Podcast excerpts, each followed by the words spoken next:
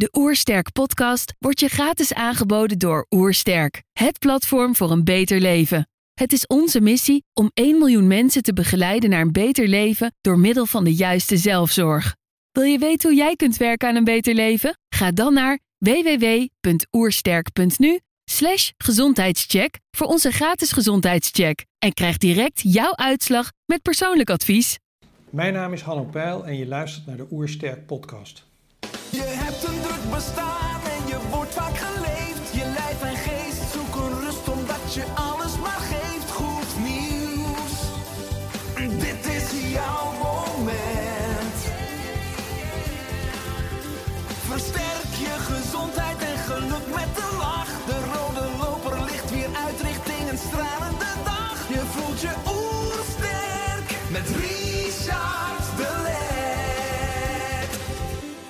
We zijn hier in Heemskerk voor een podcast met Hanno Peil. Hanno is endocrinoloog en hoogleraar diabetologie aan het Leids Universitair Medisch Centrum. Hij is auteur van meerdere boeken. Ik ben benieuwd naar zijn tips voor een beter leven. Trouwens, geniet je van onze podcast? Abonneer je dan en laat een reactie of review achter. Zo help je ons om het gezondheidsvirus te verspreiden. Let's start. De Oersterk Podcast. Een ontdekkingstocht naar een beter leven. Hanno, welkom. Ja, dankjewel. Ik eh, lees eh, op een website van Voeding Leeft over jou. Mijn passie voor voeding en gezondheid stamt uit de spreekkamer. Type 2 diabetes wordt veroorzaakt door samenspraak van erfelijke aanleg en verkeerde leefstijl. Ons westerse voedingspatroon speelt daarbij een grote rol. Het stuit mij tegen de borst dat we met medicijnen pro- proberen de schade te beperken, terwijl aanpassing van leefgewoontes de ziekte kan voorkomen en omkeren. Kun je dit toelichten? Ja, zeker. Ehm, ik denk inmiddels eh, tien jaar terug ehm, begon het mij in de spreekkamer dus eh, steeds meer te, te dagen dat de ziekte waar ik ongeveer 50% van de patiënten die ik behandel heeft diabetes, dat die ziekte, dat, die, ehm, dat ik die probeerde te behandelen, dat ik de schade, nou net, net wat je voorleest, de schade die mensen met type 2 diabetes oplopen en waardoor hun stofwisseling ontregeld raakt. Die schade wordt veroorzaakt door een samenspel tussen hun gedrag, de, de, vooral wat ze eten, maar ook bewegen, te weinig, eh, stress en slaap. En eh, in combinatie met een aanleg voor de ontwikkeling van die ziekte. Eh, en dat, die samen, dat samenspel dat geeft schade aan weefsels en geeft ontregeling van de stofwisseling. En wat ik dan in de spreekkamer doe, is ik probeer die schade te repareren met medicijnen. En dat is voor een deel best succesvol. Die medicijnen die werken wel. Maar ehm, als je weet dat de schade die wordt aangericht heel complex is, dus het is niet één ding wat ontspoort, maar er zijn heel veel stofwisselingspaden die ontsporen bij mensen met suikerziekte. Ehm, ik heb dus heel veel medicijnen nodig om al die verschillende stofwisselingsontregelingen op, in het, op het rechte pad te krijgen. Ehm, die medicijnen hebben allemaal bijwerkingen. En hoe meer medicijnen je gebruikt, hoe groter de kans is dat je daar bijwerking van krijgt. Dus dat is één ding. Maar het andere ding is dat wat ik dus eigenlijk doe, is dweilen met de kraan open. Want ik voorkom niet de schade. Ik probeer de schade te repareren. En er wordt continu, als mensen tenminste dezelfde dingen blijven doen, eh, wordt er continu nieuwe schade gecreëerd. Dus ja, dat, vond ik, eh, dat vind ik niet dus een goede manier van aanpak. Dus wat ik denk is dat je bij deze ziekte moet je je ehm, leefgewoontes aanpassen. En als er dan medicijnen nodig zijn om je nog een handje te helpen, dan zijn die ook heel nuttig. Ja, want je zegt eigenlijk, misschien is ziekte, is een stofwisselingsstoornis door onnatuurlijk leven. Die mensen komen uiteindelijk bij jou in de spreekkamer. En ik hoorde je ook zeggen in een andere podcast, de huidige weg loopt dood. En je gaf aan, want er is nu geen focus dus op preventie en voorzorg, maar vooral op medicatie en nazorg. Ja, ja, en die weg die loopt inderdaad dood. Wat we nu, ehm, waar we mee bezig zijn, is we proberen telkens weer nieuwe medicijnen te ontwikkelen om nog weer een ander stofwisselingspad dat ontspoord is op het rechte, eh, op de rails te krijgen. Ehm, en ja, dat kost dus ontzaglijk veel geld. Ehm, het, het werkt in de hand dat je dus nog meer medicijnen nodig hebt en nog meer potentieel bijwerking krijgt. En we weten allemaal dat de kosten van de zorg, die ehm, lopen volledig uit de klauwen. En dat komt voor een groot deel omdat er zo ontzettend veel mensen ziek zijn. En dat gaat voor een belangrijk deel over. Er zijn meer dan een miljoen mensen met type 2 diabetes. Heb ik er even voor de duidelijkheid. Het gaat, ehm, zoals jij ook zeker bedoelt, over type 2 en niet over type 1 diabetes. Dus de, de jeugddiabetes, waar je eigenlijk altijd insuline voor nodig hebt, is echt een andere vorm. Ehm, ook belangrijk overigens leefstijl, maar ehm, veel ja, op een andere manier zou ik willen zeggen dan bij type 2. Omdat je bij type 2 zoveel kan bereiken met leefstijl dat je soms zelfs helemaal van je medicijnen af kan. En dat kan bij type 1 niet, die moet je altijd insuline spuiten. Ehm, maar weet je, het, dus type 2 diabetes zijn meer dan een miljoen mensen in Nederland nu dat geeft enorme kosten. En als we nou maar proberen om te voorkomen dat mensen ziek worden, of de zieke mensen niet met medicijnen, maar door hun manier van leven aan te passen, op de goede weg te krijgen, dan levert dat ontzaglijk veel winst op, potentieel. Ja, ja, daar ben ik het helemaal mee eens. Je zegt ook, dus in essentie kunnen we daar heel, mee, heel veel geld mee besparen. Hè? Als je naar, naar zorgkosten, maar vooral naar kwaliteit van leven. En toch als je kijkt naar de huidige cijfers, ook van de afgelopen jaren, dan zie je dat de moderne mens wordt eigenlijk steeds dikker en steeds zieker. Sommige experts zeggen de wal gaat het schip keren. Hè? Jij en uh, heel veel anderen, ook Stichting Arts en Leefstijl en nogmaals vele anderen, zijn bezig met steeds meer voeding en leefstijl terecht op de, niet op de politieke, maar ook op de geneeskundige agenda te zetten. En eigenlijk een plek te geven die het verdient. Uh, maar denk je dat, dat het schip nog dus keerbaar is of gaat de wal het schip keren? Um, ik hoop dat het schip nog keerbaar is, eerlijk gezegd. Ik hoop niet dat we tegen een situatie aanlopen die, um, die eigenlijk, wat, wat je ziet gebeuren is dat de, het zo, de, de gezondheidszorg zo duur wordt dat sommige mensen het op een bepaald moment echt niet meer kunnen betalen. Hè. Dus in 2040 zijn de zorgkosten verdubbeld volgens het CBS als we niks doen. Um, dan moet je je dus voorstellen, nu betalen we ruwweg 150 tot 200 euro uh, premie per maand. Dus je kunt erop rekenen dat je in 2040 400 euro per maand ziektekostenpremie betaalt. Nou, dat is voor de meeste Nederlanders onbetaalbaar. Dus je krijgt een splitsing in de zorg. Je krijgt dat is onvermijdelijk als we niks doen. En dat is die wal. Dat mhm. is denk ik de belangrijkste wal waar we tegenaan knallen als we nu niet ehm, eh, de koers veranderen. En ik hoop dat, dat, dat we op tijd zijn. Um, ik, ik, ik denk het wel, maar ik weet het niet zeker. Ik hoop dat we, dat we over tien jaar dat we aanzienlijk veel minder uh, mensen met diabetes in Nederland hebben eerlijk gezegd. Ja, want de zorgkosten zullen oplopen naar 174 miljard euro volgens de voorspellingen 2040. Ja. Wat je zegt. En dan een toename van misschien 400 euro per persoon wat we dan betalen. Ja. Wat veel mensen niet kunnen opbrengen. Zeker niet de lage sociale klasse. Uh, en ik zag je ook laatst in de Telegraaf onder andere een oproep uh, dat de overheid ons ook meer moet helpen om een gezonde leefstijl uh, aan te houden. Hè, want op eigen kracht lukt dat niet. Ja. Wat mij dan fascineert is, uh, als je kijkt naar uh, de maatschappij waar we in leven, als we in een auto stappen, hebben we autogordels. Er is veel wetgeving over uh, alcohol, over roken. Er is enorm veel wetenschappelijk onderzoek bijvoorbeeld over suiker of geraffineerde ultra-bewerkt voedsel. waarom is er zo weinig wetgeving dan eigenlijk op dat gebied? En, en leven eigenlijk allemaal in een, ja, in een, in een jungle, eigenlijk in een onnatuurlijk voedingslandschap, waar, waar onze instincten ons continu verleiden en allerlei commerciële partijen ook om dus te eten en om te zitten. En in ieder geval allerlei commerciële prikkels op ons af te vuren. Ja. Uh, nou, wat jij dus zei, de overheid moet ons meer helpen. Maar ja, mijn primaire vraag, waarom is er tot nu toe dan zo weinig wetgeving op dat gebied? Ja, ik, ik vind dat een hele goede vraag. En net als jij begrijp ik dat eigenlijk helemaal niet goed. Je krijgt als, zodra je aan de voeding van mensen komt, dan lijkt het wel alsof ze dan is er een onmiddellijke reactie van bemoei je niet met mijn, mijn, mijn privékeuzes. Um, ik wil doen wat ik, um, uh, wat ik wil. En um, dat is raar als je je precies als wat jij zegt. Hè, we, we, accepteren wel dat je een autogordel om moet doen. We accepteren allerlei regelgeving op het gebied van roken. op het gebied van, we, we worden eigenlijk bijna voortdurend betutteld, maar als het om dit soort aspecten gaat, ehm, eh, ja, accepteren we dat op dit moment in ieder geval niet.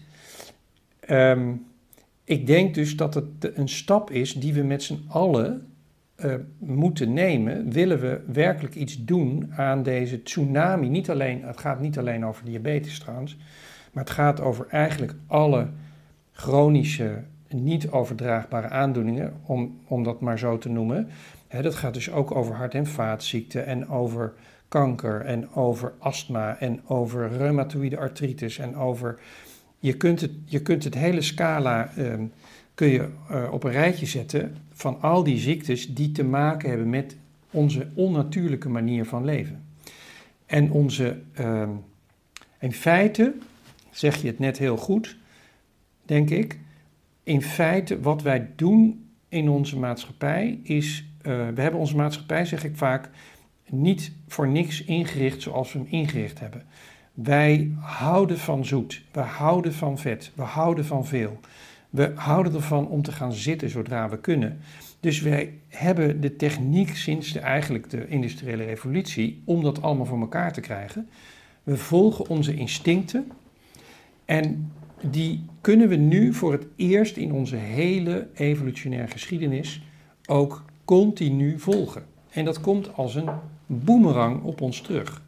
Hè, daar worden we hartstikke ziek van, want dat hebben we nooit, daar zijn we helemaal niet voor gemaakt. Dus daar, daar hebben wij nooit gekund in onze evolutie. Ehm, en en de, de krachten waar we nu dus tegen vechten, zijn eigenlijk onze eigen instincten. En daar moeten we met z'n allen moeten we daar rationeel mee omgaan. En we moeten met z'n allen keuzes maken. Dus politieke keuzes maken over hoe wij onze voedselomgeving inrichten. En ik vind dus ook dat politieke partijen dat gewoon op hun, in hun partijprogramma moeten opnemen. Dat ze daar gedachten over moeten ontwikkelen. En dat mensen keuzes moeten kunnen maken van, goh, ik wil het zo of ik wil het zo. Want je kan niet, ehm, zodra je allerlei wetten gaat opleggen, eh, waar de meerderheid van de Nederlandse bevolking het volstrekt niet mee eens is, ja, dat is vragen om moeilijkheden natuurlijk. Dat gaat niet werken. Dus we moeten daar gewoon met z'n allen iets mee. Is dat nu al in Den Haag dat het al speelt? Er komt bijvoorbeeld NL Beter, is volgens mij, eh, Ja. wordt gelanceerd als een nieuwe partij. Ja, Daar zie je natuurlijk veel meer al oog op ja, dit soort maatregelen en aspecten. En eigenlijk een visie eigenlijk op de gezondheidszorg en vitaliteit maatschappijbreed eigenlijk van Nederland richting toekomst. ja, Want eigenlijk gaat de hele maatschappij komt in de problemen als we steeds ongezonder worden. ja. Uh, maar merk je dat de politieke partijen daar nu al steeds meer mee bezig zijn? Of zeg je van te, Ja. te, te weinig animo? Nou, vind ik wel. Ik vind dat, dat niet, nog niet alle politieke partijen, maar er zijn zeker politieke partijen. ehm, bijvoorbeeld GroenLinks is er behoorlijk actief mee bezig, volgens mij. D66 heb je een aantal mensen die daar eh, heel actief over nadenken. En die nemen volgens mij langzaamaan ook wel meer mensen in de politiek mee. Er is steeds meer besef dat de situatie echt ernstig uit de hand Mhm. dreigt te lopen.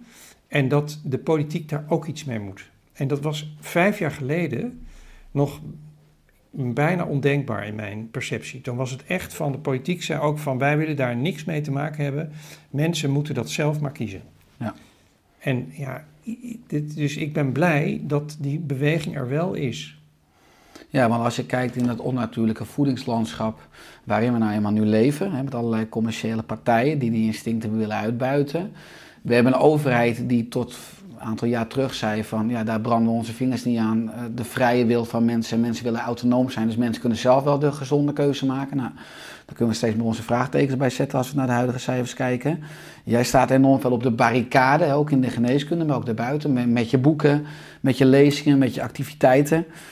Uh, en aan de andere kant hoor ik je ook zeggen, mensen moeten zelf verantwoordelijk worden voor hun gezondheid. Hè? De meeste artsen zijn er niet voor opgeleid. Maar is het dus ook dan niet een paradox dat je Mhm. als mens, eigenlijk al als je geboren wordt en op de basisschool, mi- middelbare school, niks leert over het instrument waar je dit leven in reist, over je, over je lichaam, hoe het functioneert, wat het nodig heeft qua brandstof en wat juist niet en hoe je het beste kunt leven. Waar ik ook preventie voor zorg, dat begint in de basis. Dat je door onnatuurlijk leven allerlei schade oploopt en dan kom je bij een expert Eh, net als je met een auto naar de automonteur gaat, naar de Ja. garage. En dan ga je ervan uit dat die daarop aansluit. Nou, zo Ja. kijken veel mensen ook naar hun lichaam. Ik ga naar een arts en die, hè, die kan me, die kan me weer, weer fixen. Ja, Maar eh, wat je zegt, veel artsen zijn niet opgeleid op het gebied van gezondheid. Of tenminste de koppeling voeding en leefstijl. Mhm. Gelukkig een positieve stroming nu met arts en leefstijl. ja, Eh, maar ja, dus ook veel mensen die nu luisteren en kijken, die hebben nu insulineresistentie, zijn bijvoorbeeld dus prediabetes, gaan morgen naar een huisarts. En tuurlijk zijn hu- hu- huisartsen die wel hiermee bezig zijn, maar ook heel veel huisartsen die zullen nog zeggen van, als je maar gewoon gevarieerd eet en afijn, eh, dit pilletje neemt, dan heb je de grootste kans om. eh, dus hoe kan eigenlijk ook de geneeskunde in relatief korte tijd effectief gaan aansluiten op die behoefte die eigenlijk nu enorm in de maatschappij aanwezig is? ja. Ja, ik, weet je wat ik denk? Dat we moeten af van het, van het beeld dat zowel dokters als patiënten hebben op dit moment. Eh, het beeld dat je ehm, als patiënt bij de dokter binnenkomt en tegenover de dokter gaat zitten en zegt van ik heb een probleem, los mijn probleem maar op. Dat is zoals de geneeskunde eh, jarenlang heeft gefunctioneerd. En ehm, eh, dat, dat, die, dat systeem, dat functioneert niet. En waarom niet? Omdat dus als je iets aan de kern van de problemen wil doen van iemand, bijvoorbeeld iemand met diabetes, dan moet er dus iets aan het gedrag veranderen. En ehm, de enige die dat kan, is de patiënt, niet de dokter. De dokter kan eigenlijk alleen daar maar advies over geven.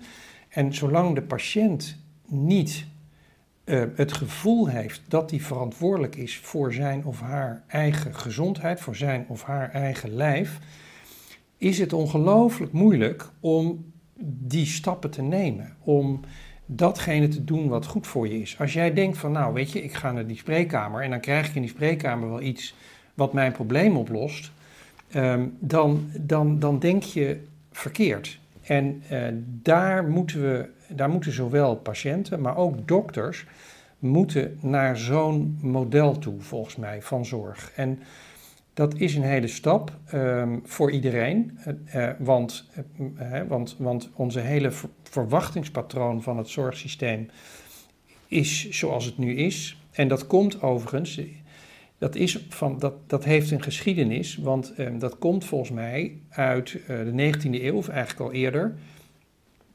Toen ehm, ehm, de zorg, toen is eigenlijk het systeem heeft zich ontwikkeld zoals het nu is. En wat voor ziektes hadden we toen? Toen hadden we eigenlijk vooral te maken met, met infecties en met ongelukken. Nou, als je eh, een arm breekt of je hebt een longontsteking, wat doe je dan? Dan wacht je natuurlijk totdat je een probleem hebt. Dan ga je naar de dokter toe en die dokter geeft je een pil of die opereert je arm. En dan is het probleem ook opgelost. Hè. Dat zijn typisch voorbeelden van gezondheidsproblemen die heel goed op deze manier opgelost kunnen worden. Nog steeds is dat ook zo. Hè. Als je longontsteking hebt, ja, dan moet je vooral niet gaan, z- zelf gaan zitten dokteren met allemaal dingen. Dan moet je gewoon antibioticum krijgen. En dan lost dan het probleem op. Acute geneeskunde. Ja, Ja. dat is eigenlijk een soort van acute geneeskunde. En, ehm, maar die, die, ehm, de ziekte, aard van de ziektelast is sinds de 19e eeuw enorm veranderd. En wij hebben nagelaten om ons systeem aan te passen. Zo, dat is mijn perceptie van de zaak. En ehm, dat moeten we echt gaan doen. Want ehm, dit- nu hebben we niet acute, maar chronische geneeskunde. En dat is een hele andere tak van sport. Daar moet er veel meer vanuit de patiënt zelf komen. Of ze dat nou leuk vinden of niet. Want het is, het, het is ja, je kan zeggen, ja, dat wil ik niet. Maar het, het, het, de dokter gaat dit niet oplossen. Mhm. De patiënt moet het uiteindelijk het heft in handen nemen. En dat is hartstikke moeilijk hoor, dat, dat realiseer ik me. Dus je, wat, ik, wat ik absoluut altijd wil voorkomen, is dat mensen denken van, oh, hij stuurt me het bos in. Hè? ik, Mhm. ik moet zelf mijn probleem. Mhm. Nee, er, er moeten, en daar zijn we ook mee bezig, hè, we formeren teams van, van, van allerlei professionals om die mens heen om te helpen. En daarnaast denk ik dat eh, dus zo'n team vaak nog niet eens genoeg is. Zo'n team kan adviezen geven en die kan steunen daar waar nodig is. Maar zo, zolang de omgeving maar blijft prikkelen op een verkeerde manier, is het zo moeilijk voor mensen om het anders te doen. Dat we, het moet een soort, ehm, ja, het moet, het- ook de omgeving van mensen moet eigenlijk mee veranderen. Ja, exact. Want we vechten nu tegen buitensporige krachten. Eh, Ja. Wat je zegt, dat het zorgsysteem eigenlijk niet optimaal mee ontwikkeld is. Je bent zelf ook bestuurder bij het Nederlands Innovatiecentrum voor Leefstijlgeneeskunde. Ja, Zou het ook aan de ene kant dan niet goed zijn als er een soort dus nieuw systeem zou ontstaan? Ik ben bijvoorbeeld een groot voorstander van een leefstijlcentrum. We hebben nu het voedingscentrum. Maar ook als we een nationaal leefstijlcentrum zouden hebben met eh, nou, wekelijks inspiratie, met recepten, arm aan de koolhydraten, rijk aan natuurlijke eiwitten, vetten, maar ook met beweeg, met, met yoga, met meditatie, met eh, hoe, je, hoe je ook rust in je hoofd kan hebben. Eigenlijk al die belangrijke basisvaardigheden voor gezondheid, dat is eigenlijk veel breder. ja. Eh, zou daar ook geen ruimte voor, voor zijn? De vraag is alleen wie, wie gaat dat invullen? Is dat dus weer een commerciële partij? Dat is vaak lastig. Is het vanuit de overheid? ja. Is het ook niet echt iets wat ontwikkeld wordt? Ja, ja. ja weet je, ik, ik, ik kan me best goed voorstellen dat dat eh, commerciële partijen zijn die dat doen. Ik geloof wel in dat soort gezondheidshuizen. Ehm, eh, we, we denken erover om, dat, om daar een soort van onderzoek te gaan doen, ehm, mogelijk in Den Haag, waarbij we eh, gezondheidshuizen in een wijk gaan neerzetten, waar mensen dus gewoon terecht kunnen voor eh, zowel diagnostiek als het om hun gezondheid gaat, als om advies over wat ze zouden kunnen doen om die gezondheid te verbeteren. Ehm, en dat moet dan wel in het kader van een hele systeemverandering eh, van wat betreft gezondheidszorg in zo'n wijk. Hè. Dus we willen eigenlijk kijken of we daar bijvoorbeeld eh, de supermarkten in mee kunnen krijgen. Of we eh, de, de zorg voor chronisch zieken in de huisartspraktijk eh, anders kunnen inrichten, zodat mensen zelf meer verantwoordelijkheid ook kunnen nemen voor hun ziekte. Ehm, dus het wordt een hele systeemverandering waar we naartoe willen. Ehm, en daar zijn we op het moment over aan het nadenken ehm, ho- hoe, we dat, hoe we dat zouden kunnen inrichten en eh, op welke manier we zouden kunnen onderzoeken of dat ook effect heeft op de gezondheid in die wijken. Dat vind ik ook mooi om te horen dat je enorm optimistisch bent en hoopvol. Is dat ook dit soort initiatieven, zijn het ook initiatieven die je, die je hoop geven op transitie, Ja. op verandering? Ja, zeker. zeker. Ik, ik hoop enorm, ik, ik, ik ben ervan overtuigd dat we tegen enorme ehm, muren ook gaan aanlopen waar we uiteindelijk doorheen of overheen eh, moeten. Maar, eh, dus het zal zeker niet zonder hobbels zijn. Maar ehm, ik hoop echt dat we dit in de komende jaren eh, vorm kunnen geven. En wat me optimistisch stemt, is dat er dus ontzettend veel, we ontmoeten heel veel enthousiasme voor dit soort dingen. Bij de overheid, bij de landelijke overheid, maar ook bij de gemeente en ehm, eh, ook bij huisartsen die steeds meer meedenken en ehm, graag willen. Dus het is, eh, en nu nog de, de mensen zelf, hè, dat is een, ook een partij waar we mee om tafel willen en moeten. Ja, absoluut. Want je zegt, ik ben ongeveer over voeding en leefstijl tien jaar geleden gaan nadenken in de spreekkamer. Je bent van 2008 tot 2016 lid geweest van de Gezondheidsraad eh, op het gebied van voeding. Van 2014 tot 2017 ben je voorzitter geweest van het Partnerschap Overgewicht Nederland. Wat ik zei, je bent nu lid van het bestuur van het Nederlands Innovatiecentrum voor Leefstijlgeneeskunde. Dus je ziet eigenlijk, een, ook wat ik zei, een transitie dat alle systemen steeds meer gaan kijken ook naar voeding en naar leefstijl.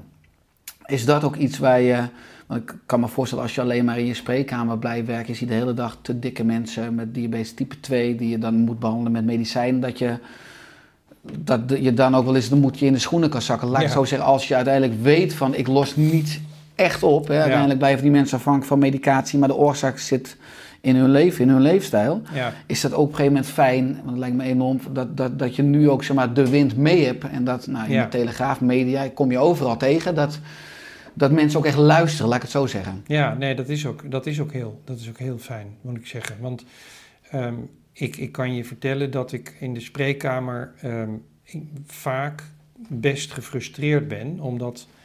ehm, en dat is niet omdat dat ik... ehm, nee, laat ik beginnen te zeggen...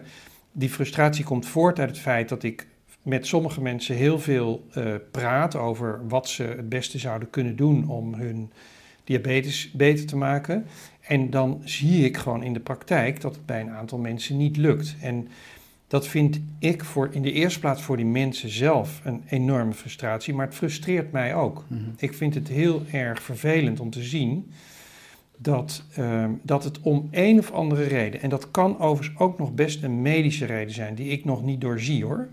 Maar het is ook vaak, denk ik, omdat mensen ehm, het zo moeilijk vinden om anders te eten dan eh, hun ge- omgeving ze voortdurend maar opdringt. En zoals ze jaren gewend zijn om, eh, hè, om te eten en om te bewegen en om hun, hun leven in te richten.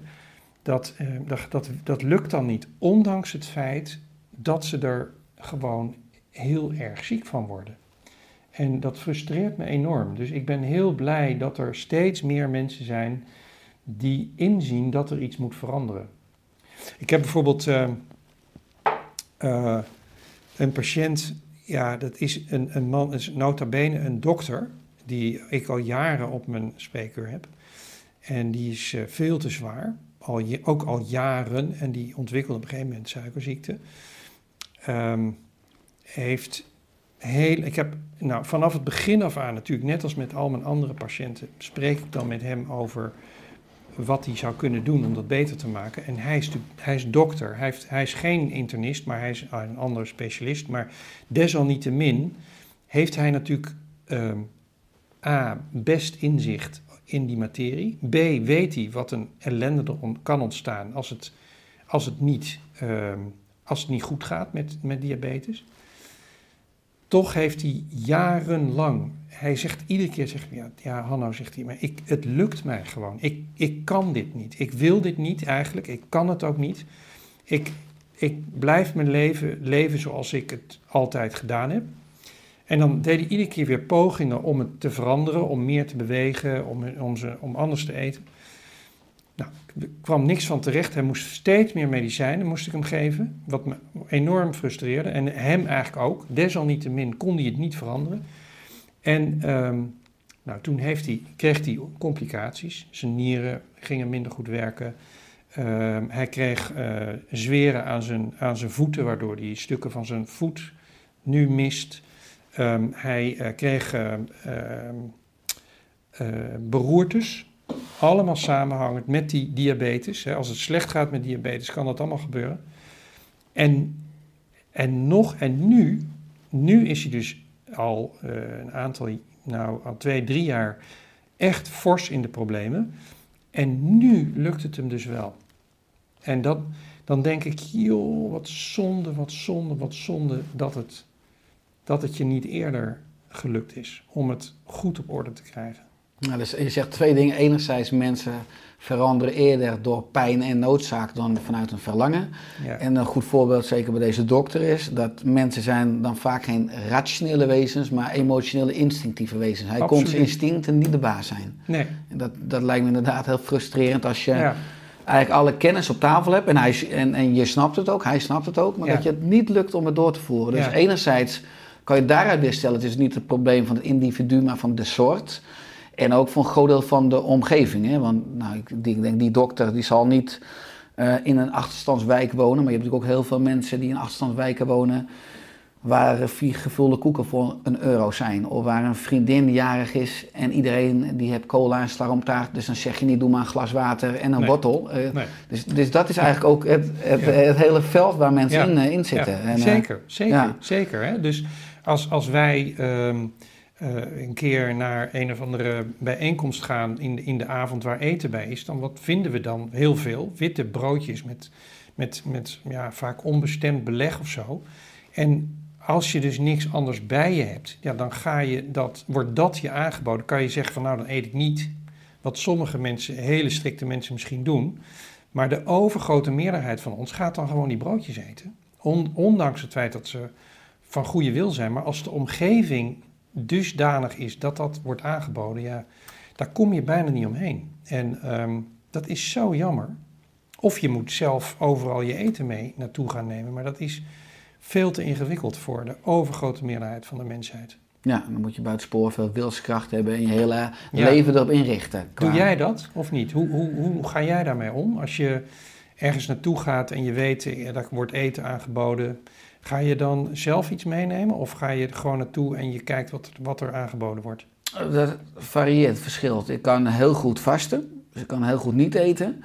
Maar omdat mijn voedingspatroon vaak enorm in balans is, heb ik ook helemaal geen stress om dan een keer bijvoorbeeld eh, brood of pasta of aardappelen. Vind ik het soms zelfs nog lekker ook, want ik eet het anders nooit. Ja, Dus zeker als het in een sociale context met een groep is. Maar ja. Eh, het voordeel is wel, omdat de meeste mensen mij kennen en weten wat ik doe met Oersterk, dat, dat, de, dat de omgeving waar ik kom, als ik uitgenodigd word, wel rekening houden met, met mijn dieetwens, zoals het dan heet. Eh, maar echt die. ja, ik was laatst dan weer eh, in, in Beverwijk, waar ik opgroeide. met mijn twee zoontjes in de speeltuin, waar ik vroeger altijd kwam. Was natuurlijk, we hebben natuurlijk een fantastische zomer nu. Ja, ik verbaasde me nu, eh, terwijl ik er vroeger ook was met hetzelfde voedingsaanbod. Maar er was niet veranderd. Blikjes frisdrank, zakjes chips, eh, zakjes snoep voor 20 cent. En, en je kon eigenlijk niets anders kopen. En ik had het vroeger, want ik vond het heerlijk. Ik vond het als kind zijn, had ik het veel. Ja, En eigenlijk, ik zeg wel eens, het enige wat ik als kind zijn echt verpest heb, is mijn gebit. Want ik heb bijna mijn hele le- lichaam gereprogrammeerd in de jaren erop. Maar mijn gebit, ja zeker heb je natuurlijk, eh, is, is wel vernacheld door het vele suiker vroeger. Maar ja, ik, ik, ik, ik werd me wel bewust van hoe belangrijk dus die sociale omgeving ook is. ja. En die sociale context. Ja. En, eh, maar, en ik schrok ook wel een beetje dat er nog steeds dus in die, nou wat ik zeg, in die, in die 30 jaar, terwijl we veel meer kennis hebben, en dat is steeds meer ook in aandacht, dat zeg maar dan in die, in die lokale speeltuin niets veranderd is. En dat, dat je Nee. daar die Nee. voedingsinzichten dus ook niet terugschiet. Nee. Maar ik ben vrij ontspannen om antwoord te geven op je vraag op voeding. Ja. Ik ben gelukkig niet radicaal, maar ik kan eh, bijvoorbeeld bij McDonald's, om een voorbeeld, daar ben ik al jaren niet geweest en dan Nee. kan ik ook niet meer eh, stoppen of eten. Of, eh, dus ik- bij bepaalde restaurants zou ik echt gewoon kiezen voor een, voor een spatje rood en vasten. Dan, Ja. dan heb ik liever nog honger, want ik kan, ik kan, het gaat tegen mijn principes in. Ja. En ook omdat ik heel erg ben van walk your talk. Maar, maar verder heb ik geen stress van een keer een witte boterham met, met pindakaas of een Nee. bord pasta. Of als mensen voor me koken of moeite doen en het is niet helemaal naar mijn... Dan ben ik Ja. daar... eh, alleen, ik zou het niet vijf keer in de week eten. Nee, Nee. nee, nee. Nou, je- het is grappig. Je zegt een heleboel dingen die ik enorm herken. Dat is heel grappig. Ik heb ook, eh, ik sta er eigenlijk precies hetzelfde in. Ik ben ook eh, geen heilige, dus ik, ben, ik word ook niet zenuwachtig van een keer een wit broodje. Maar als het enigszins kan, blijf ik van, ook van gewone bruine broodjes, blijf ik weg. Ehm, maar ehm, ik, ik, eh, ik, ik ben ook, ehm, ja, ik, ik kan ook heel makkelijk vasten. Dus ik sla het ook wel eens gewoon helemaal over. Eh, en mijn gebit is net als jij, dat is ook op mijn kinderleeftijd. Mm. Want ik hield, hield er ook enorm van, dus ik heb heel veel gesnoept. Eh, de, en dat is het enige, wat mijn gebit is echt eh, daardoor eh, verknald. Helaas. Mhm. Eh, want dat herstelt zich natuurlijk niet meer. Dus, eh, Boeiend. ja, maar de rest, ja. Ja. Maar als we het hebben over voeding, hè, dat, eh, je bent nu tien jaar intensief bezig met eh, ook gezonde voeding, ook dan gekoppeld aan preventie en voorkomen van diabetes type 2. Eh, zijn je voedingsinzichten ook veranderd ten opzichte van de jaren ervoor? De, de, de adviezen Ja. die je geeft? Ja, heel, heel erg. Eh, ik, ik had vroeger, nou, dan denk ik wel meer dan tien jaar terug hoor. Dan denk ik 15 jaar terug. Toen had ik eigenlijk nog helemaal niet zo'n enorm idee van wat nou gezonde voeding is voor mensen met diabetes of voor mensen in het algemeen. En daar ben ik natuurlijk heel anders over gaan nadenken. En, en ik ben aanvankelijk eh, geïnspireerd door een boek van ehm, Jared Diamond. eh, helemaal vanuit evolutionair perspectief naar voeding gaan kijken. Eh, en me gerealiseerd dat wij enorm anders eten dan we miljoenen jaren hebben gedaan. En ehm, ja, ik realiseerde me steeds meer. Enerzijds is het wel zo dat we ons tot op zekere hoogte hebben aangepast, misschien genetisch, aan eh, dat nieuwe voedselpatroon. Anderzijds denk ik echt dat de periode sinds we zo anders zijn gaan eten, sinds de landbouwrevolutie, ongeveer 10 jaar, 10.000 jaar geleden, dat die periode nog veel te kort is om echt goed aangepast te zijn. Dus, ehm, en je ziet dus ook dat eh, die enorme hoeveelheden zetmeel die we eten sindsdien, ja, daar zijn we eigenlijk gewoon niet voor gemaakt. Dat is echt, dat blijkt echt niet goed voor ons te zijn. Er zijn dus ook steeds meer wetenschappelijke aanwijzingen dat de glucosepieken die we daarvan krijgen, of je nou diabetes hebt of niet, ook mensen zonder diabetes krijgen die glucosepieken, ehm, die minder hoog zijn misschien dan bij mensen met diabetes, maar toch in hun bloed.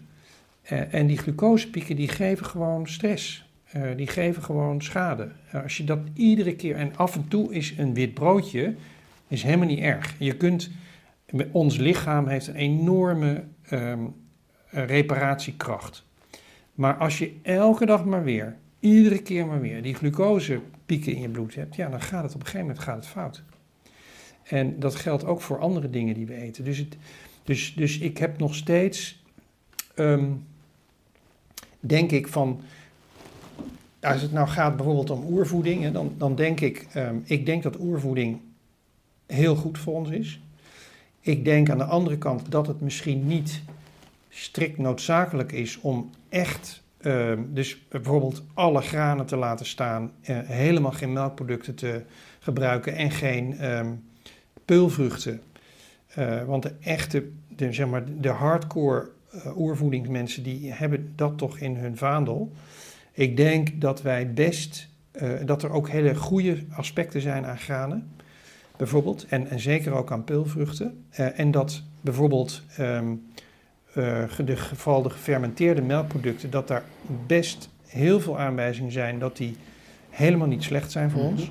Je kan je natuurlijk ook heel goed voorstellen, de, de, wij, wij evolueren mee met met onze omgeving. En we passen ons aan, gelukkig als biologische wezens, aan nieuwigheden. En zo is die voeding is ook nieuwigheid. Dus we, hebben aanpassingsmogelijkheden, maar wees wel, um, ja, vind ik dan, zuinig met, de, uh, met die nieuwigheden.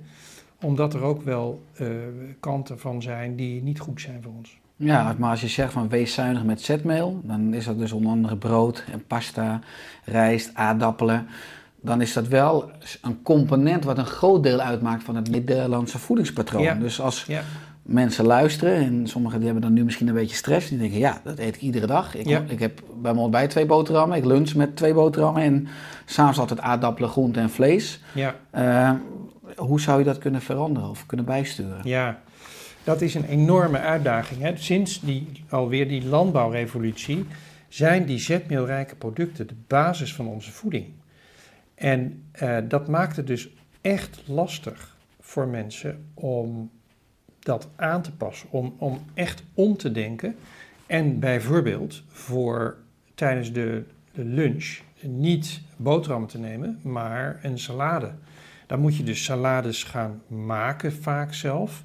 Of je moet uh, sala voorgekookte eh, salades vinden die je, kunt, eh, die je kunt kopen. Die zijn er wel, maar het is best lastig. Dus, en, en salade zelf maken kost tijd. Eh, en je moet daar dus motivatie voor hebben. Dat is best moeilijk hoor. En hetzelfde geldt voor avondeten, waarbij je dus moet zeggen, nou ik ga die pasta of de, of de aardappelen nou eens een keer overslaan. Dus wat, wat jij net ook aangaf, een keertje aardappelen eten of een keertje pasta eten, hoef je helemaal geen zorgen over te maken. Maar als je maar niet elke dag dat doet en er dus veel dagen tussen hebt die vooral bestaan, uh, dat het, diner vooral bestaat uit groentes en uh, vlees of vis. Um, tussendoortjes waar veel suiker of, of koolhydraten uh, of zetmeel in zitten, kun je vervangen door noten bijvoorbeeld. Um, dus er zijn zeker wel manieren om veel minder zetmeel te eten, maar, en, of, en suiker, maar dat is best nadenken. En uh, ja, het is een, uh, je, hebt daar, je hebt daar echt advies en begeleiding voor nodig. Ja. Wil je dat voor elkaar boksen? Ja, en we hebben natuurlijk allemaal, ook als kind, natuurlijk geleerd. Ik bedoel, loop met een microfoon de straat op en vragen mensen... zijn brood, pasta, rijst en aardappelen gezond? Dat, nou, laat ik zo zeggen, 98% zal zeggen, ja, heel gezond. Ik ja. eet het ook dagelijks. En daar ook trots. Ja. Uh, terwijl we krijgen een bak zetmeel binnen... terwijl het dus niet de optimale brandstof op de lange termijn is voor ons lichaam. Dus dat gaat signalen nee. geven... Eh, verder zag ik ook terug in je voedingstip vermijd ultra bewerkt voedsel. Eh, logisch was eh, fris en fruitdranken. Groente en fruit zijn de basis. Nou, ik zei wees zuinig met zetmeel. Eet dagelijks een handje ongezouten noten. Eet twee keer per week vette vis. Eet matig vlees, hè, liever gevogelte dan rood vlees. Gebruik olijfolie en drink water en thee of koffie. Dus in plaats van fris en fruitdrank. Nou ja, dus die kennis enerzijds is fijn om te hebben, want daar begint het mee. Je moet wel de juiste kennis hebben. En dan is het natuurlijk de uitdaging dat je het volhoudt in de huidige obesogene voedselomgeving. Ja, ja. Ik las van jou, hè, ik eet vrijwel aansluitend onbewerkt, zei je. En ik beweeg zoveel als mijn baan en sociale context dat toelaten. En, dan vond ik leuk, haring is mijn lievelingsproduct. Maar lukt dat je ook in het ziekenhuis en nemen anderen je over inmiddels in Leiden? Ehm, nou, steeds meer. Ik heb een reputatie wat dat betreft, geloof ik, in het ziekenhuis. Ehm, dus eh, mensen die, als ze mij zien, dan, ehm, sommigen dan, die mij kennen eh, in het ziekenhuis, die, die schamen zich dan dat ze de lift nemen bijvoorbeeld. Er zijn steeds meer mensen die de trap nemen in plaats van de lift en zo. En eh er wordt steeds meer gelet op gezonde voeding, geloof ik. Je neemt zelf nooit de lift. Je pakt altijd de trap. Altijd. Want je hebt als arts natuurlijk zo'n pasje, hè? Is dat ook zo'n pasje waar de lift mee opgaat? Nee, nee, dat is bij ons werkt dat niet met een Oh. pasje. Maar ehm, ik ga zelden of nooit met de lift. Dus zul je mij, nou, als ik één keer per jaar in de lift sta, omdat ik bijvoorbeeld iets zwaars bij me heb of zo, eh, dan is het veel. Eh, dus ik ga altijd met de trap, ook als ik naar acht of tien etages moet. Ehm, dus ja, ik, ik, ik probeer het zoveel mogelijk. Ik zie dat als een, als een eh, gelegenheid om, om weer eventjes mijn spieren te activeren. Ehm, maar eh, waar waren we nou? Want dan ben ik de draad kwijt. Nou, ik had het over dat je dus altijd onbewerkt eet en eh, beweegt, eh, afhankelijk van je baan Ja. sociale context. En of anderen in het ziekenhuis, dus of dat infectieus is bijna, jouw ge- gedrag en dat anderen dus Ja. gaan spiegelen. Ja, dus een beetje wel. Een beetje wel. Het heeft wel, het werkt wel als voorbeeld. Ja, dat geloof ik wel.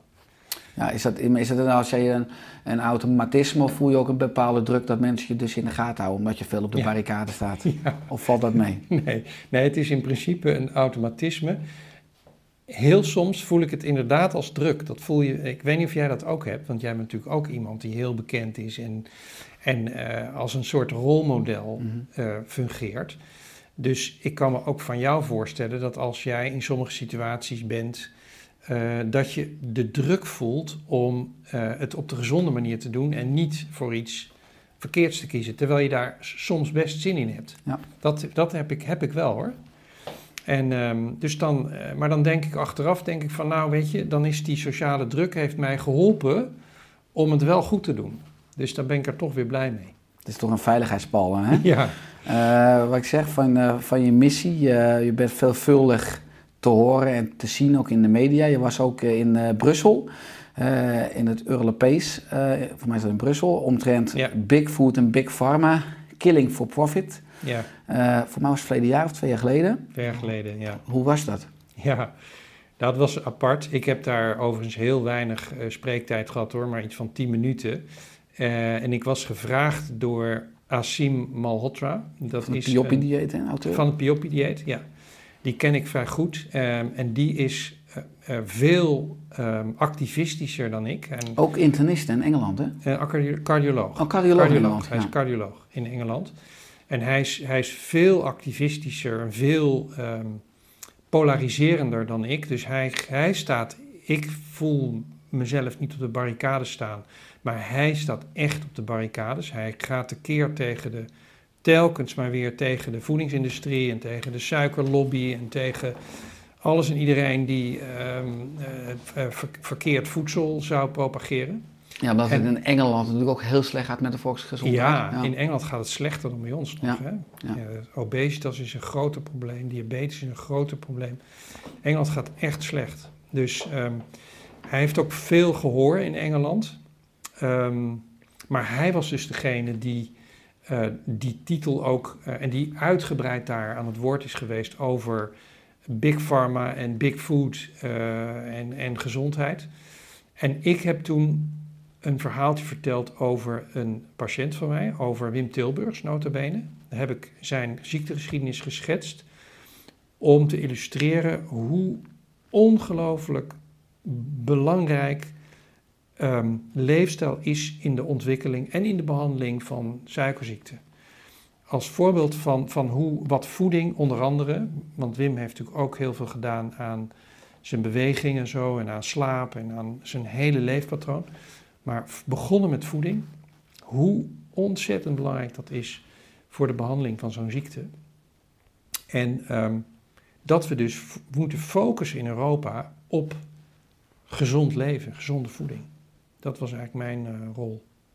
Daar. Is daar uiteindelijk, want het is ongeveer twee jaar geleden, nog iets positiefs uit voortgekomen uit die bijeenkomst in het parlement? Nou, um, ik heb daar eerlijk, moet ik heel eerlijk in zijn, ik heb daar niet veel van, van, van gemerkt. Um, ik, uh, ik zie het meer als, een, als, een, als deel van alle publiciteit die ik telkens maar weer opzoek, toch ook, om deze boodschap te verkondigen. En daarmee hoop ik dan steeds meer mensen mee te krijgen. Ik doe eigenlijk hetzelfde als jij. En mhm. ehm, ehm, jij had er ook kunnen zitten en je, en je verhaal kunnen vertellen. En, dan was het in, ook een soort van deel van jouw campagne geweest, mhm. denk ik. Ja. Zo zie ik het. Ja, maar hij is wel in staat, is wel eh, de killing for profit. Hij, hij weet wel met copywriting mensen te prikkelen en media te prikkelen uiteindelijk. Je gaat wel luisteren. Ja. Enorm, enorm. Maar hij is ook, ehm, hij heeft ook, ook voortdurend ligt hij gigantisch onder vuur. Hè? Dus hij heeft ook heel veel critici. En enerzijds is dat goed natuurlijk, omdat dat ook alweer discussie losmaakt. losmaakt. Scherp, ja. Um, maar anderzijds ben ik ook wel eens bang dat zijn, heb ik ook wel eens tegen hem gezegd. Ik heb gezegd, Asim, wat je ook kan bereiken is dat mensen je niet meer serieus nemen. Hè? Als je te extreme standpunten inneemt, dan denken mensen, ja, maar dit is echt een schreeuwlelijk. En dus je moet een soort middenweg zien te vinden. En ik ben waarschijnlijk te voorzichtig en te, um, te aardig misschien, te behoudend. Terwijl hij de andere kant op doorslaat. En dus het is een soort, eigenlijk zou je een soort middenweg moeten, moeten kiezen, denk ik, om, even, om echt effectief te zijn. maar hij, hij, maakt, hij maakt wel, zeker maakt hij wat los hoor. Het gaat uiteindelijk natuurlijk om, je, je staat in dienst van je boodschap. Dus hoe kan je die boodschap nou uiteindelijk zo, eff, zo effectief en zo breed mogelijk de maatschappij in krijgen? Ja. ja. En in die politieke structuren dan. Ja. Uh, want als, nou, ik vermoed dat in de politiek veel mensen je kennen. Mark Rutte mogelijk ook. Als Mark Rutte zou zeggen, Hanno, ik ben al jaren fantastisch bezig. Er komt een ministerpost, post, omdat we gewoon voeding en leefstijl nationaal willen doorvoeren. We hebben ook echt budget 50 miljard euro, waar je ook echt gewoon eh, iets mee kan doorvoeren. Wat zouden dan belangrijke maatregelen zijn die je zou doorvoeren in Nederland? Nou, ik zou beginnen met met een, een, een, commissie van, uh, van wijze mensen. Ja, dan zeg je van ja, er komt er weer een commissie. Maar ik denk dat we heel kritisch moeten gaan kijken naar hoe we omgaan met de voedselmarkt. Ik denk dat dat een heel essentieel ding is. En um, als je nou zegt van hoe zou jij dat dan persoonlijk uh, willen gaan inrichten, dan uh, heb ik daar niet direct een antwoord op. Ik vind dat heel moeilijk. Ik denk daar wel regelmatig over na, maar er zit natuurlijk heel veel kanten aan um, die diep um, ingrijpen, ook in het sociale systeem, potentieel in Nederland. Maar één van de dingen waarvan ik denk van daar zouden we uh, wel eens naartoe moeten, is dat we, um, dat we moeten een eerlijke prijs gaan betalen voor voeding van het land. We moeten, die boeren die moeten gewoon goed betaald worden voor um, de producten die zij produceren. En um, dat betekent tegelijkertijd dat we de uh, industrieel samengestelde voeding, dat we die uh, waarschijnlijk nog veel duurder moeten maken om um, te voorkomen dat mensen dan uh, helemaal naar die industrieel geproduceerde producten uh, toe gaan. Want ik denk, weet je, als je ziet, wij zijn in de afgelopen 30 jaar, zijn mensen steeds minder geld gaan uitgeven aan hun voeding. Hè? En dat is eigenlijk heel erg jammer, want voeding is een ontzettend belangrijk ding voor mensen. hè, voor gezondheid en dus voor mensen. En ehm, eh, dat, moet, dat moet anders. We moeten gewoon een eerlijke prijs voor voeding gaan betalen. En boeren moeten een veel belangrijker plek gaan innemen in onze samenleving. Want, want die, onze voeding is zo'n centraal eh, element van ons bestaan. Dat, en dat moffelen we steeds verder weg. En dat is gewoon ontzettend jammer. We nemen steeds minder tijd om te eten. We, we, we geven minder geld uit. We, we besteden minder aandacht aan een maaltijd. Dat moet ook allemaal anders. Dus ik vind dat een van de dingen waar, waar we eens goed over zouden moeten nadenken. Nou, enerzijds kan je dus zeggen, dus belastingen op ongezond voedsel of op Ja. suikerrijk voedsel. Ja. Subsidies op gezond voedsel, natuurlijk voedsel, onder andere groente, fruit, kruiden, specerijen. Jaap Seidel zei bijvoorbeeld, ik zou gelijk een eh, gezonde schoollunch eh, Ja. op scholen voorzien. Hè, wat ook een mogelijkheid is, dat, dat kinderen iedere dag gewoon vanuit de overheid ook gewoon voldoende groente binnenkrijgen. Ja, Dat dat is een ander ding wat ik, waar ik ook, daar ben ik helemaal met hem eens. En ik vind ook dat kinderen onderwijs zouden moeten krijgen op het gebied van gezondheid en op het gebied van verantwoordelijkheid voor hun eigen lijf. Dat, we, we leren kinderen wel rekenen, maar we leren ze niet hoe ze gezond moeten blijven. Dat is toch eigenlijk heel raar. Dus ik vind, ik, op scholen moeten we echt veel doen, vind ik. Ja, en dan begrijp ik ook wel hè, dat leraren zeggen: Oh, dan moeten we nog weer meer doen. Dus leraren hebben het gevoel dat ze steeds meer op hun bord krijgen. Dus we moeten daar goed over nadenken, met leraren over praten. Dat er andere dingen misschien wel afgaan. Maar dit is echt een issue wat aandacht moet krijgen. Denk ik. Ja, ja, ik denk, nou absoluut. Het zijn allemaal stappen in het proces. Want als je, mogelijk ben je ook een dromer, ik ben wel een dromer. Ik geloof dat uiteindelijk ook alles goed komt als je nou over 50 of 100 jaar zou kijken. Eh, en eh, hoe zou dan de ideale wereld er in jouw optiek uitzien? Ja, weet je, ehm, ik denk dat we dan in een wereld leven waarin we veel minder eh, ziek zijn, waarin ehm, de kwaliteit van leven daardoor gemiddeld hoger is.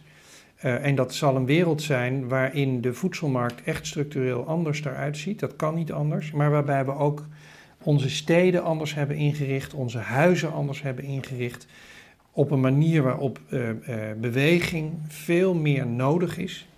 Niet alleen gestimuleerd, nee, het, wordt, het moet echt nodig zijn om te bewegen, eh, want anders doen we het niet. Noodzaken inbouwen. Ja, en waarbij we, en waarbij we, en dat is een ander belangrijk ding vind ik, waarbij de, ons hele politieke en economische denken weg is van welvaart naar welzijn. We moeten echt meer ons realiseren dat die, die, eh, dat geld dat, en, en economische groei, dat dat niet eh, iets is wat ons uiteindelijk gelukkig maakt. T- ik, ik, daar ben ik echt van overtuigd. Ik denk dat wat in, in Nieuw-Zeeland gebeurt, hè, wat Arden doet, hè, de premier van Nieuw-Zeeland, die zegt van nee, ik ga, ik ga de, het accent leggen in mijn politieke programma op welzijn in plaats van op voortdurend maar economische groei. Ik denk dat dat een ongelooflijk belangrijk besluit is. En daar kunnen wij dus wat van leren. Daar kunnen wij Maar zeker dat wat is van leren. moedig dat hij zijn nek wel uitsteekt, ook in Nieuw-Zeeland. Ja, Ja. zij. Ja. Of zij, ja, Ja. sorry, ik wist niet dat het een vrouwelijke... Maar eh, de coronacrisis is natuurlijk nu een periode geweest dit jaar... waarin voor het eerst door noodzaak eigenlijk welzijn boven welvaart komt. En dan zie je ook dat de overheid al met allemaal noodmaatregelen komt en steunpakketten. Ja, Wat dan vooral gaat over veiligheid en de eerste barrière en mondkapjes, maar nog niet voldoende. Maar natuurlijk over weerbaarheid om juist de bevolking ook adviezen te geven. Hoe kan je je immuunsysteem nou versterken? Mensen trekken na- naar binnen toe met, nou zeker nu in een, hete zomer, met, met, met Ja. biertjes en Ja. met barbecues en met zakken chips, met Ja. veel koolhydraten, laat ik het zo stellen.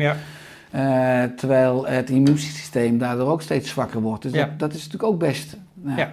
Ik vind het soms bijna onethisch dat er, dat er kennis is, maar dat die kennis niet eh maatschappijbreed Ja. uitgedragen wordt. Ja, kan je, kan je ook praten over ethiek. ja, ben ik met je want eens. mensen kunnen pas een eerlijke keuze maken als je alle kennis hebt. En dan, dan heb je een vrije keuze. Absoluut, absoluut. Dat is heel essentieel, hè? want waar we het nu voortdurend over hebben, over het, over het verschuiven van de verantwoordelijkheid ehm, naar de individu, Dat kan alleen maar als die individu echt goed geïnformeerd is over, over ziekte en over wat hij of zij daaraan kan doen.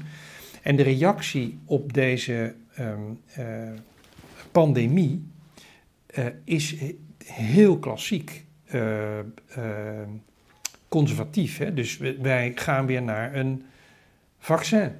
Wat zonder meer belangrijk is. Een vaccin, een vaccin gaat een hoop, hoop ik, moeten we nog afwachten, een hoop oplossen. Maar het is wel de typische klassieke reactie eh, van het, het zorgsysteem. Hè?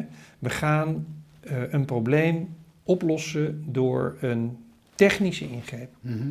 En ehm, ik, dat begrijp me niet verkeerd. Ik denk dat dat heel goed is en dat we daar ook een hoop winst mee kunnen halen. Maar er ligt geen enkel accent op eh, wat mensen zelf nou eigenlijk kunnen doen Mhm. op, aan, aan, deze, aan, de, aan dit gevaar. En mensen kunnen, we weten dat ook. Mensen kunnen daar inderdaad een hoop aan doen. Ja, maar het is natuurlijk ook zo dat heel veel mensen zeggen van... geef mij een vaccin, want dan kan ik ongezond blijven leven. Hè, dan kan ik mijn Ja. ongezonde gedrag in stand Ja. houden. Dan ben ik radicaal als ik dan stel... ik hoop dat er geen vaccin komt, maar veel meer vanuit een perspectief... dan worden we wel gedwongen als mensheid om veel meer naar ons collectieve gedrag te kijken. En ook gewoon in te zien dat we anders ook met ons lichaam een stukje aarde moeten omgaan. En met de hele aarde is het totaliteit. Ja. Eh, je zegt dat je veel bezig bent met hè, voeding, je zoveel mogelijk onbewerkt eet, eh, qua beweging. Je hebt enorm veel activiteiten. Heb je ook iets wat je, wat je enorm ontspant hè, als tegenhanger om al die activiteiten, al die ballen hoog te houden? Nou, ik, ik doe, probeer heel veel te bewegen.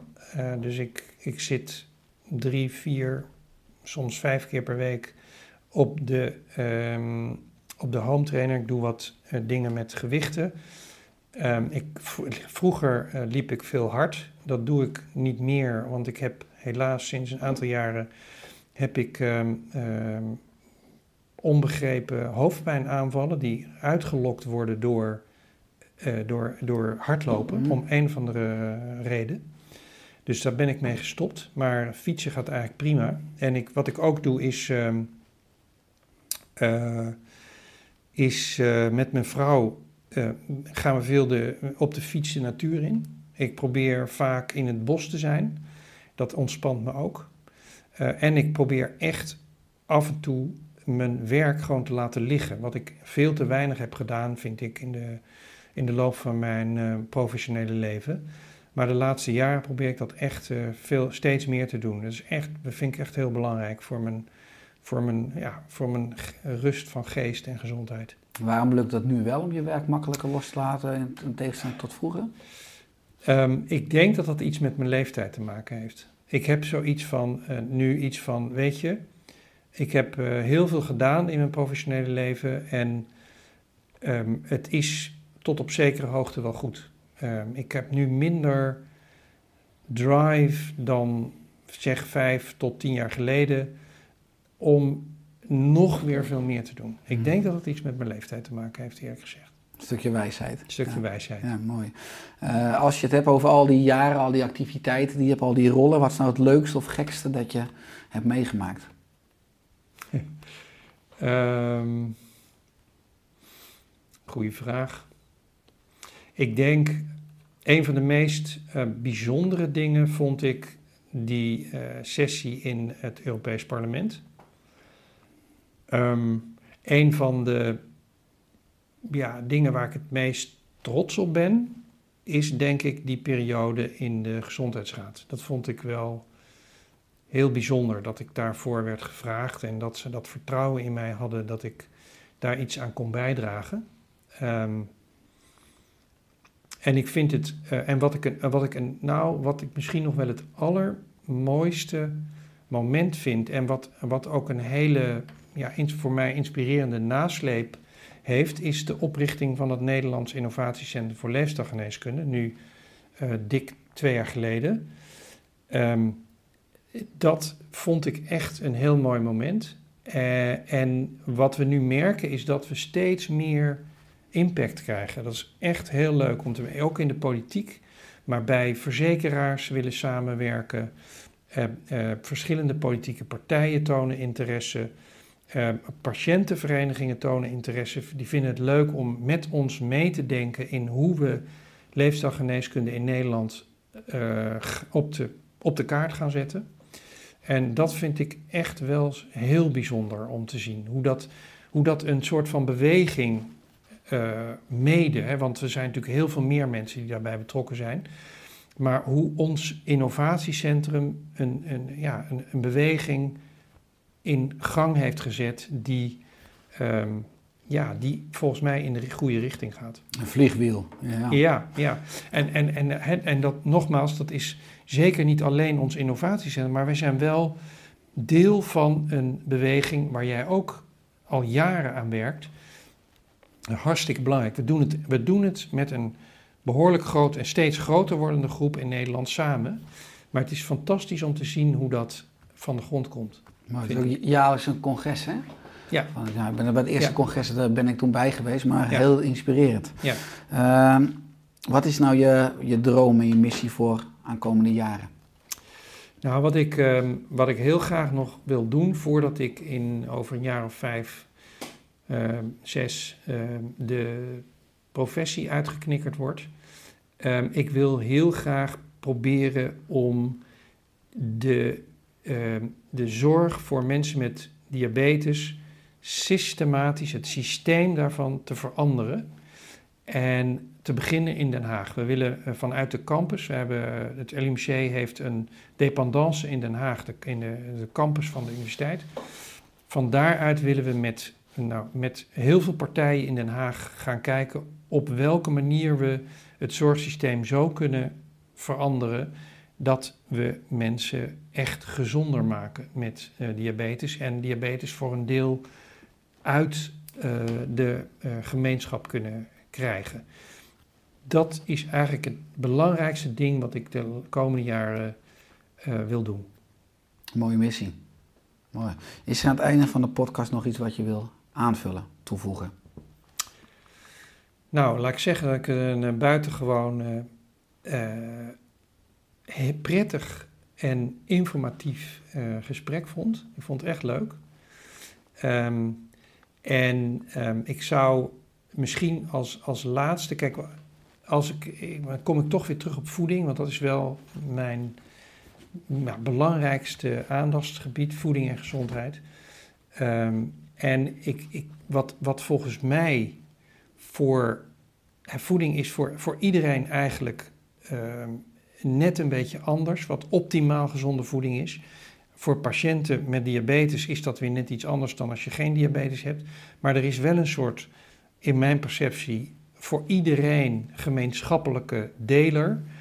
En dat is ehm, zoveel mogelijk onbewerkt, gevarieerd en niet te veel. Dat is eigenlijk de kern van wat eh, gezonde voeding is voor, voor, voor alle mensen. En eh, dat zou ik nog een keer willen benadrukken. Mooi, als je het hebt over de hoeveelheid, bedoel je dan hoeveel je eet of ook hoe vaak je op een dag eet? Ja, dat is, daar kunnen we ook weer een heel gesprek over hebben. Ehm, want dat is een ander ding wat belangrijk is voor gezondheid. Ook hoe vaak je op een dag eet en de timing daarvan eh, blijkt eh, belangrijk. Dus wij zijn ook alweer pas sinds de industriële revolutie eten wij drie keer per dag. Iedereen, en zelfs niet drie keer per dag, maar de meeste mensen eten zes, zeven, acht keer per dag. Hè? In Amerika heb ik wel eens getallen van 15 keer per dag dat mensen iets in hun mond stoppen. Dat is super onnatuurlijk. Daar zijn wij helemaal niet voor gemaakt. En wij hebben altijd, zijn er periodes geweest dat wij niks of bijna niks aan eten hadden. En dan hadden we gewoon een dag, een dag helemaal niks of twee dagen niks.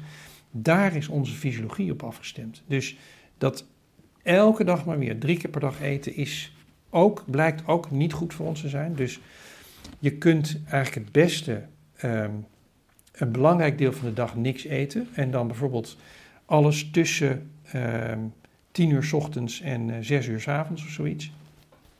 In een beperkte periode. Want dat geeft een switch in je stofwisseling die op de langere termijn heel gezond blijkt te zijn. Dus eh, nou ja, daar kunnen we ook weer eh, een half uur over praten wat dan de, de beste manier is om dat te doen. En dat is een veld dat is duidelijk, het wetenschappelijk veld is duidelijk in ontwikkeling. Daar moeten we nog veel ontdekken ook. Maar ook daar zullen we in de nabije toekomst eh, steeds meer informatie en aandacht aan moeten geven. Mooi, inspirerend. Ja, zo kunnen we uren kletsen. Leuk. Ja. Waar kunnen mensen meer vinden Hanno, over jou of over je boeken? Ehm, ik denk dat de beste informatiebron die er nu is, is onze website van ehm, de, het Nederlands Innovatiecentrum. En dat is, dat is www.lifestyleforhealth, want we hebben een Engelse naam op advies van eh, de instellingen die betrokken zijn. Um, lifestyleforhealth.nl Mooi. En de boeken zijn natuurlijk ook te vinden op bol.com en boekhandels en overal verder. Ja. Dankjewel voor je komst in de Oerstek podcast. En dankjewel ook voor, voor je goede werk afgelopen jaren. Ik moet zeggen, ik eh, heb al enorm veel van je mogen leren. En ik vind het ook enorm inspirerend dat je ook zo vanuit de geneeskunde een ander geluid laat horen om uiteindelijk voeding en leefstijl de plek te geven die het verdient. Hè, in het centrum, het hart van de geneeskunde. En uh, ga vooral door aan komende jaren en laten we samen nog veel mooie bruggen bouwen. Graag. Dankjewel. Dankjewel.